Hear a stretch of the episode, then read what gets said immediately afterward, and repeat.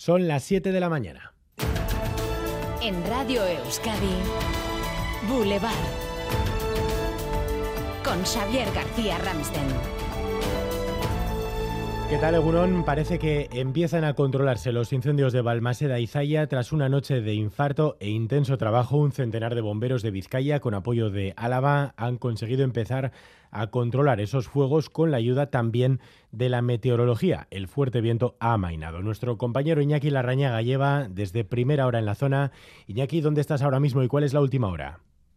Pues ahora mismo nos situamos en la localidad de Zalla y podemos confirmar a través de la información que nos han trasladado tanto eh, los alcaldes de los municipios como los bomberos que los incendios ahora mismo se encuentran bajo control en las encartaciones donde apenas sopla el viento afortunadamente. Todavía hay llamas en el Nocedal, un barrio de Balmaseda. También las hemos podido ver de cerca en el barrio de La Herrera, en Zalla, donde ha habido algunos evacuados y lugar donde ahora mismo los bomberos eh, se afanan en minimizar riesgos. Además, también eh, nos han informado de que en el Valle de Mena, ya en el lado de Burgos, eh, se han extendido las llamas. Focos, en cualquier caso, controlados, pero todo pendiente de la evolución del viento en las próximas horas. Enseguida vamos a hablar en directo con Pedro Izaga, es director de Emergencias y Protección Civil de la Diputación de Vizcaya, para conocer la última hora en el territorio. Hace una hora, aquí en Boulevard, hablábamos en directo con el alcalde de Balmaseda, Aitor Larrínaga, que nos hacía este primer balance.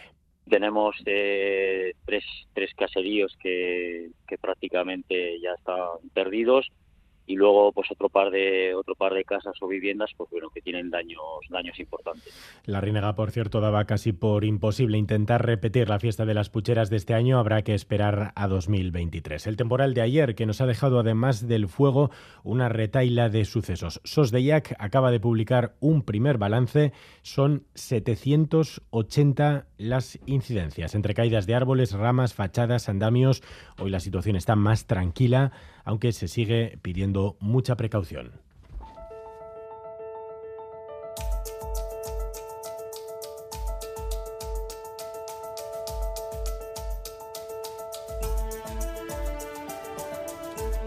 Enseguida vamos con la previsión del tiempo y el tráfico. Antes, a esta hora, les ofrecemos una nueva entrega de EITB Data sobre movilidad. En medio de la crisis energética que atravesamos, Xavier Madariaga Egunon, Egunon aunque aumenta el uso del transporte público, sigue siendo nuestra asignatura pendiente. Tiramos más del vehículo privado, un coche que cada vez está más envejecido por las ventas de segunda mano que crecen, mientras para la bicicleta, de entre todas nuestras capitales, la mejor posicionada y con deferencia es Gasteiz. Eso es, con 60 viajes por por habitante al año, Euskadi es una de las cuatro comunidades que más desplazamientos hace en transporte público. En España, de media, son 44 viajes al año. A pesar del dato, preferimos el vehículo privado para nuestros desplazamientos. Es Guipúzcoa la que más claramente se decanta por el transporte privado. Vizcaya es la que más echa mano del público, mientras en Araba prefieren mayoritariamente moverse a pie o en bici. Enseguida más datos. Enseguida ampliamos además Ichazo Gómez Egunón. Repasamos otras noticias en titulares con Asier Herrero.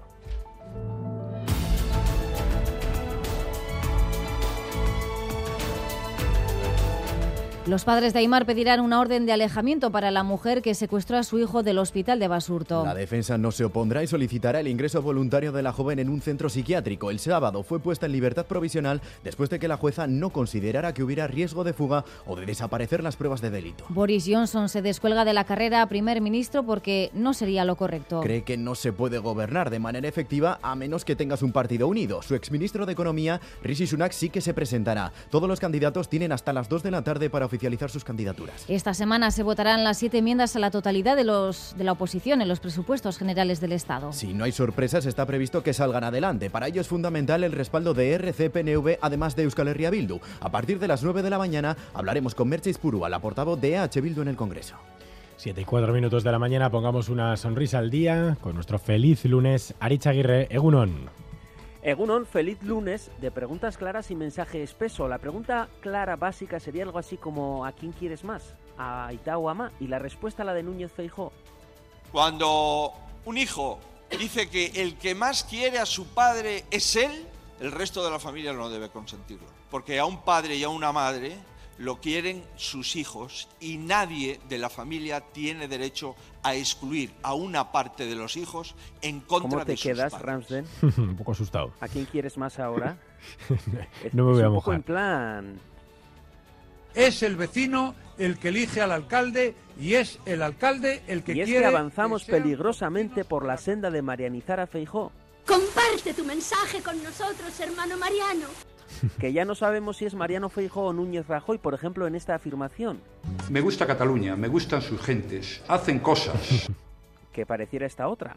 No tenemos derecho a tener un IVA reducido para la compra de un coche cuando viajamos tres.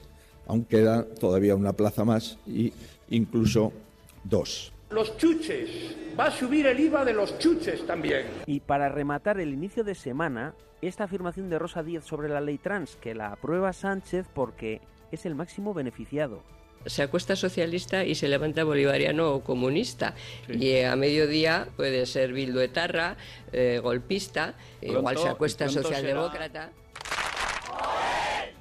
Que dan ganas de decir, ¿Qué me estás contando si yo soy de Pamplona? Bueno, pues vigila, ¿eh? No os liemos con tantas palabras y declaraciones que vais a acabar Ramsden como mi tío, que pensaba que la ley trans era la de los transportistas para abaratar la gasolina. Feliz lunes de preguntas claras y mensajes peso. Feliz lunes, Aritz. Ampliamos a las ocho y media. Ahora vamos con el tiempo. Boulevard. El tiempo. Lo decíamos, el viento ha amainado, pero sigue haciendo mucho calor y además es la previsión para esta semana. Las temperaturas, si uno mira la previsión para los próximos días, eh, son tremendas. Estamos en octubre y la media es de 25-30 grados. Ampliamos desde Euskalmet con Yonander Arrillaga, Egunon. Caixo Egunon, seguimos con viento sur, en concreto del suroeste, todavía con algunas rachas fuertes por la mañana, pero va a ir perdiendo intensidad, sobre todo de cara a la tarde y a la noche. Por lo demás, no esperamos cambios y el tiempo va a seguir seco. En el cielo veremos nubes y claros, por momentos con nubes altas y medias que pueden cubrir el cielo y en otros momentos del día van a predominar los claros. En cuanto a las temperaturas, van a bajar, van a bajar algo, aunque seguirán siendo templadas y las máximas se van a mover entre los 20-22 grados de la vertiente mediterránea y los 24-25 de la vertiente cantábrica. Por tanto, seguimos con tiempo seco y viento sur que perderá bastante fuerza a partir de la tarde. Temperaturas a esta hora tenemos 12 grados en Agurain, 13 en Vitoria-Gasteiz, 14 en Iruña y Tudela, 18 en Biarritz y El Goibar, 19 en Bilbao, 20 grados en Donostia y Baracaldo. Egunon, gradu. Agur, ondo izan. Egunon, lehioan hogei gradu, ondo pasa. Egunon, Zumaian emeretzi gradu ditugu. Ondo hasi astea.